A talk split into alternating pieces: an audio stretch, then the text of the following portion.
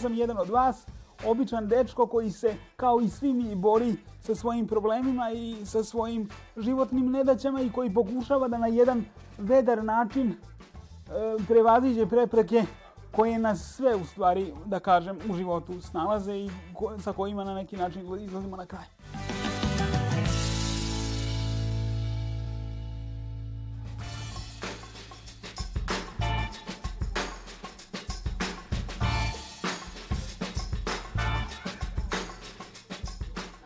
Naš prvi susret, naš početak e, je bio taj što je njegova mama došla da pita, pošto je on bio predodređen da ide u jedan drugi vrtić koji je bio mnogo dalji, a kod nas je bio problem u vrtiću zato što su naše grupe bile na spratu.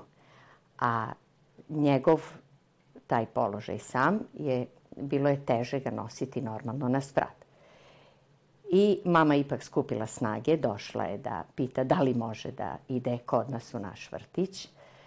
Ja sam ga odmah prihvatila i od tada je Branko bio naš drugar u našoj radnoj grupi. Pre nego što je Branko došao, ja sam moju decu pripremila za dolazak našeg Branka. Objasnila sam e, šta Branko ima sa čim, u, u, koji je Brankov problem fizičke prirode. Tako da kad je Branko došao, njega su deca tako prihvatila da, da dočekali su ga aplauzom, svi su mu se predstavili i bili su jako, jako ljubazni prema njemu. Sve što su radila druga deca, radio je i Branko.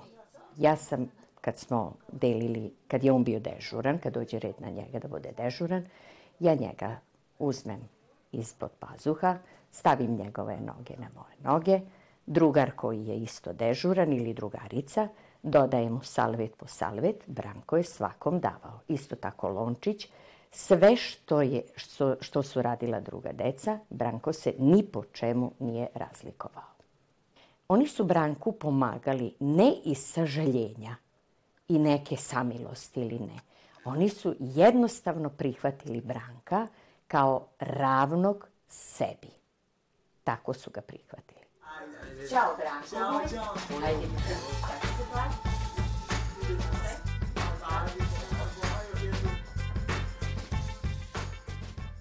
Bila sam srećna što sam bila njegova vaspitačica. Čini mi se da sam se i puno trudila. Ne da sam se trudila, nego u ostalom želela sam u svakom momentu da on ni po čemu ne oseti da se po nečemu razlikuje. A to je bilo samo po fizičkom, ni po čemu drugom. On je bio pametan, realan, iskren, otvoren. E, ako je bila neka nepravda u, ili nešto, on je uvek znao tu da reaguje i to na pravi način. Branko je danas jedna stabilna i jaka ličnost. Branko je danas jedan oformljen čovek. Branko je čovek koji želi da pomogne. Malo pre sam pričala sa njim i on kaže negde sam nešto uspeo, negde nisam. Tu gde si želeo, tu si jako dobro uspeo. On se bori za pravdu. On, se, on je oformio i ovaj društvo koje pomaže drugima. On je jedan uh, jedno, jedno, jedno predivno stvorenje, jedan, jedan borac, jedan sve mogu najlepše da kažemo o njemu. Branko, čao. Ćao, čao. Opet ja, Branko, moraš. Neka,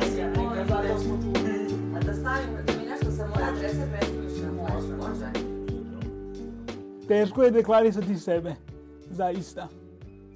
Ja sam Branko Bulajić, jedan od vas. Možda bih tako najbolje mogao da vam se predstavim. E, rođen sam sa problemom cerebralne paralize usled preranog rođenja došlo je do komplikacija koje su prouzrokovale krvarenje u mozgu, što je ostavilo i nereverzibilne posledice na moju sposobnost kretanja. Kako si, Branko? Dobro je ti? Sva, evo, funkcionalno. E, pa drago mi Ti si mi funkcionalno. Drago mi je, drago mi je.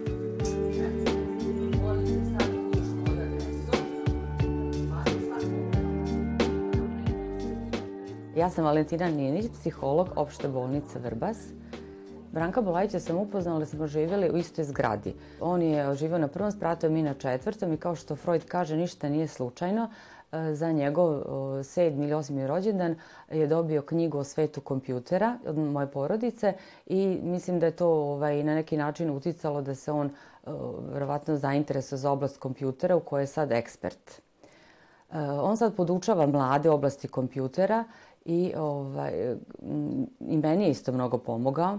Uh, radio mi poster uh, za kongres psihologa i nauč, o- naučio me da ovladam veštinama u vezi kompjutera. E sad, kako, kako se to objasnim? Da. Da ja budući to, ovaj... Pa ništa, ovdje znači imaš ovu strelicu što pokazuje. Preuzmite. Preuzmite i Dobro. to se presnimi u kompjuter. Svaki čovek treba da e, zna e, sferu u kojoj e, treba da radi na sebi. Neko će raditi u oblasti komunikacije, neko u oblasti m, ne, zdravog života, kako da kažem, boljeg, boljeg angažovanja u, u partnerskim odnosima.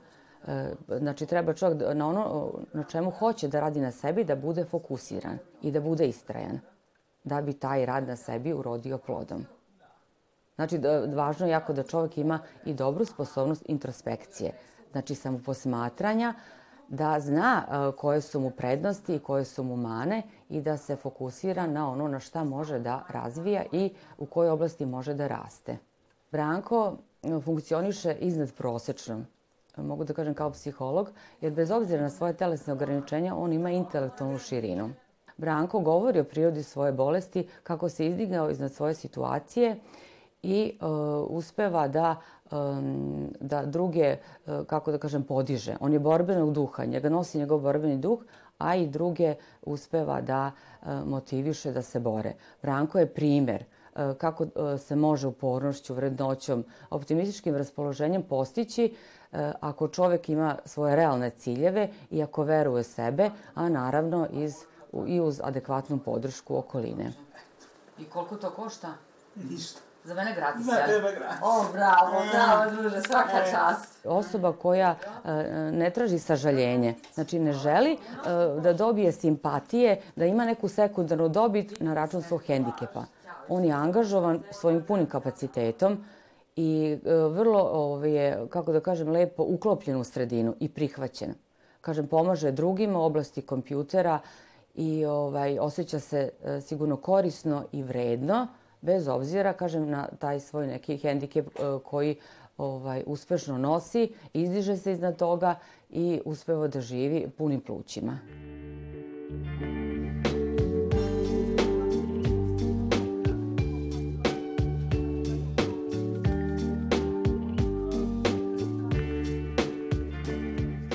Kroz svoj život suočio sam se sa mnogim iskušenjima zbog navedenog stanja i moram priznati da nisam baš bio tako jak kao što su me predstavili neki od vaših zagovornika, jer u tom nekom smislu borbe sa samim hendikepom moram priznati da sam u jednom momentu posustao.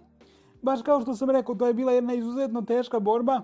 Cerebralna paraliza je jedan kompleksan poremećaj koji iziskuje multidisciplinarnost u medicini. Međutim, ja, s obzirom da sam se od malih nogu družio sa lekarima, moram da kažem da ta multidisciplinarnost o kojoj lekari obično pričaju je čisto slovo na papiru. Ne postoji multidisciplinarnost u medicini. Svako gleda da uradi svoj posao i da završi sa vama. Ja sam, nažalost, imao takvo iskustvo. Recimo, uradite operaciju zgloba. I onda e, do, dođete u situaciju da vam zglob zaista bude me- mekši za pokret, ali da ne možete da ojačate mišić da biste mogli da ga koristite. I to bude jedan onako žestok udarac, jer shvatite da ste dobili bolje stanje zgloba, ali ne, da ne možete samostalno da ga koristite. Sa takvim stvarima ja baš i nisam umeo najbolje da se nosim i rešio sam, to jest svoj život sam rešio, da fokusiram na neke druge stvari i na neke druge potencijale. E, Da, da ne zanemarim svoje dru- druge potencijale koje imam, da bih se u potpunosti posvetio samom hendikepu. Možda je to bila mana, možda je to moj pogrešan izbor u životu, to će mnogi reći, ali to bismo mogli da poistovetimo sa ratom pušača i nepušača.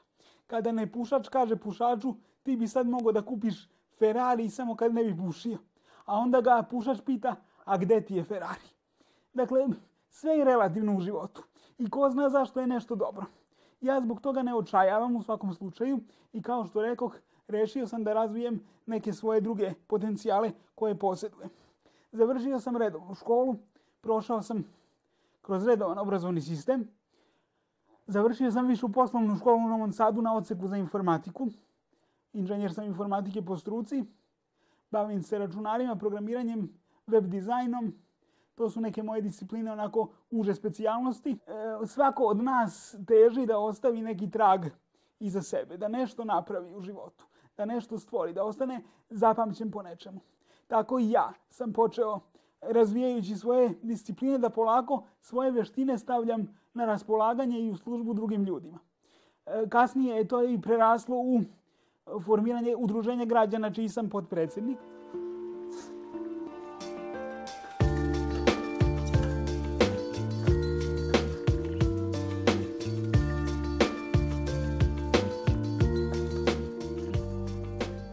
Bitna je podrška zaista mnogo.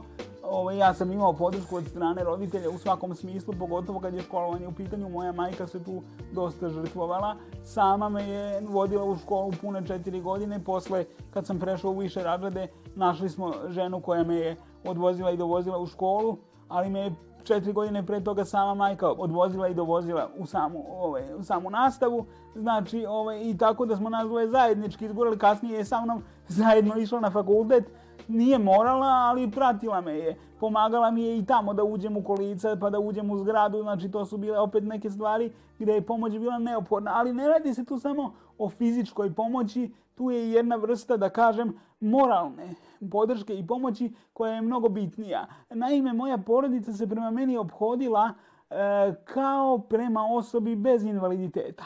I ovaj, to je nešto što je jako bitno prilikom formiranja ličnosti osobe s invaliditetom. Naravno, postoje razno razne vrste invaliditeta, ali kada govorimo o telesnom hendikepu, kakav je moj, e, bitno je jako, da ne kažem gurnuti u zapečak, ali pokušati da na neki način ignorišete invaliditet i radite, kao što sam rekao, na svojim drugim potencijalima.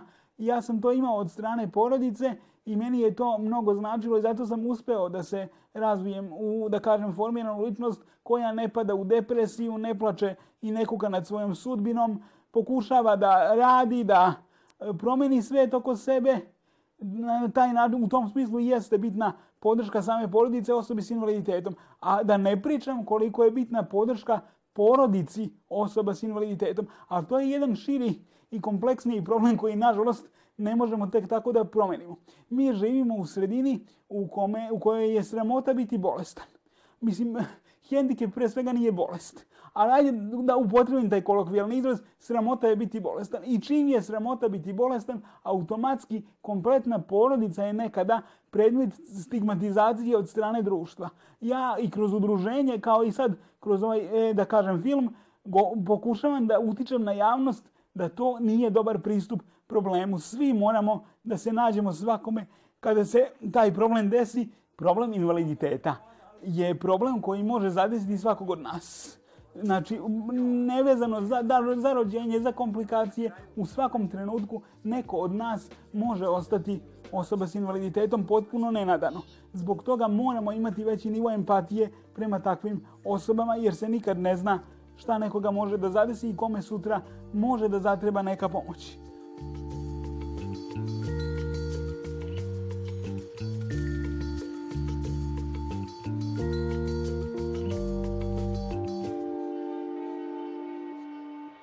Verovali ili ne, ne padam, jer živim u takvom okruženju, toliko sam okupiran svojim obavezama, da prosto nemam vremena da padnem.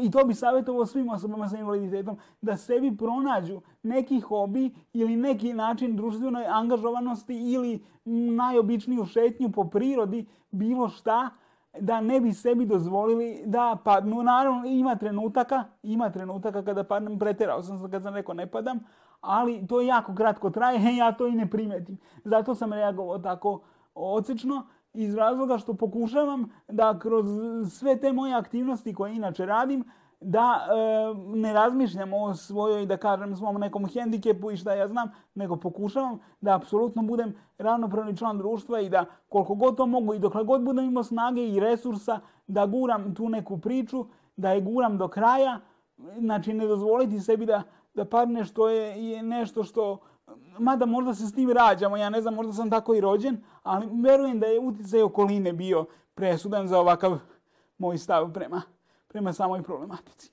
Dakle, trudim se da ne padam i uglavnom ne padam, a to postižem kroz rad, kroz angažovanje, kao i većina drugih ljudi. Zato sam i rekao, ja sam jedan od vas.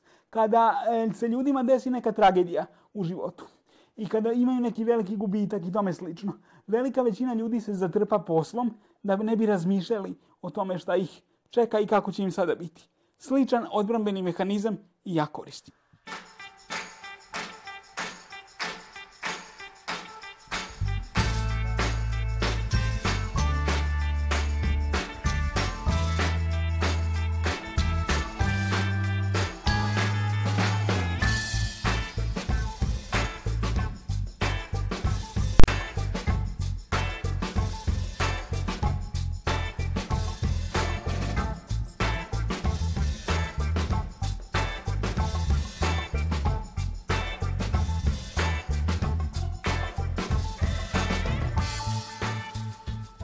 Kada je udruženje u pitanju, ono nije nastalo na moju inicijativu, nastalo je na inicijativu mog kolege Dragana Jankovića.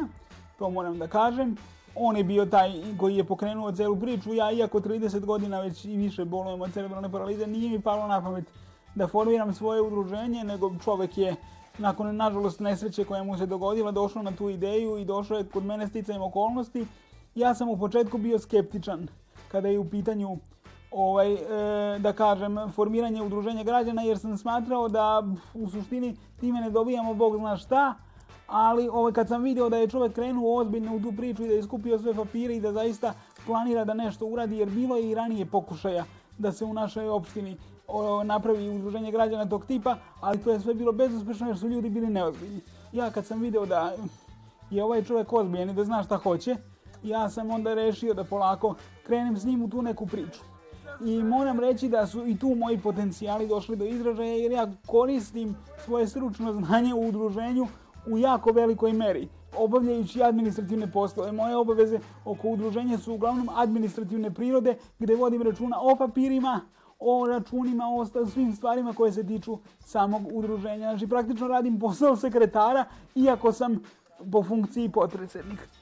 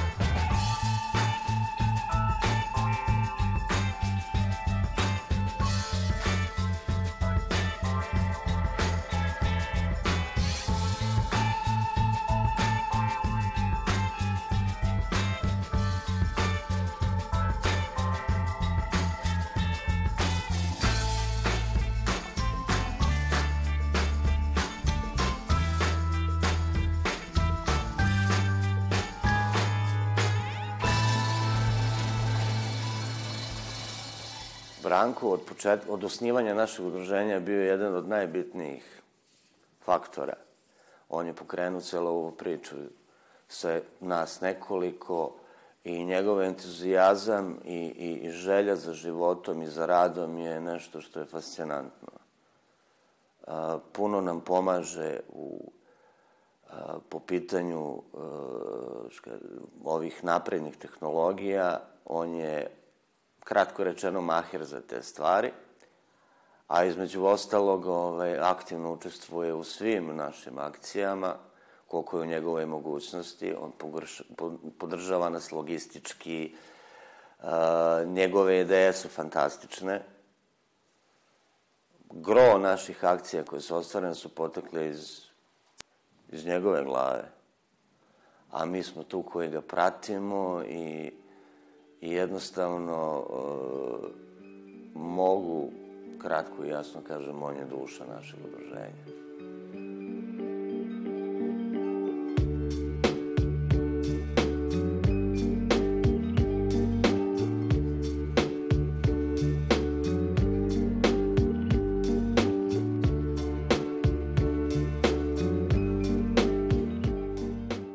Što sam već rekao, naše udruženje prvenstveno radi na poboljšanju položaja osoba sa invaliditetom, a to radimo kroz razne aspekte, kao što su druženja, socijalizacije, organizovanje izleta, organizovanje rekreativnog igranja šaha i sportske aktivnosti za invalide.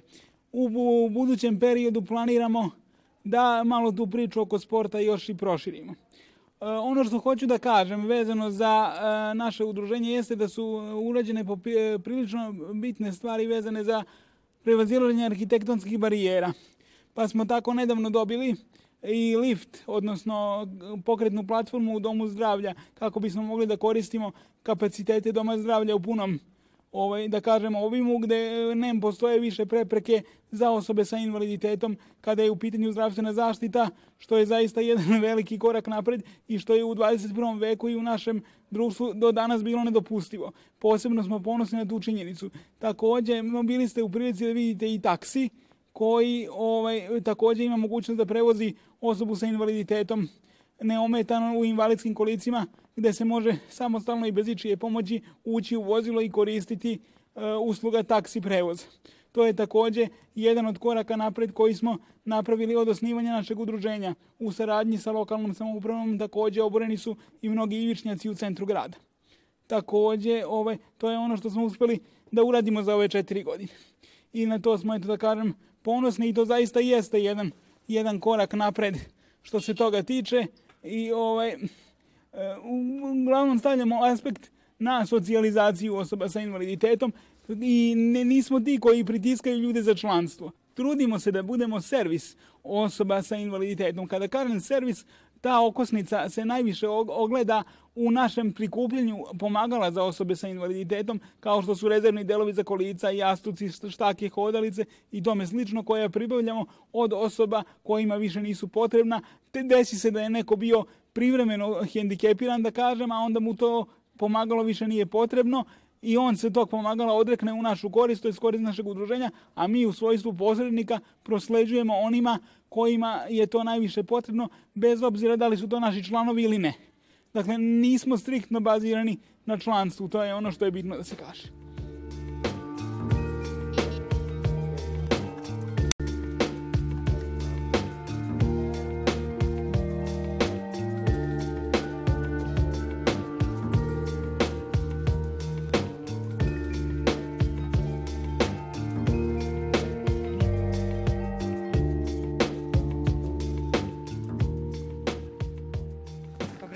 Hvala ti puno. Bilo mi je zadovoljstvo. I meni uh, Moram da pohvalim vašu emisiju i vas kao autora, jer velika većina ljudi koja snima živote osoba s invaliditetom uglavnom stavlja uh, akcenat na sportske aktivnosti osoba s invaliditetom. Bez pretenzija da bilo koga podcenjujem, želim da kažem da nisu svi invalidi za sport i da moramo gledati, ukoliko govorimo o integraciji invalida u društvo, da ih integrišemo na sve moguće načine, pa i kroz ovakve emisije gde nećemo stavljati akcenat i potencijal invalida samo na sport, nego i na drugi aspekte naših života.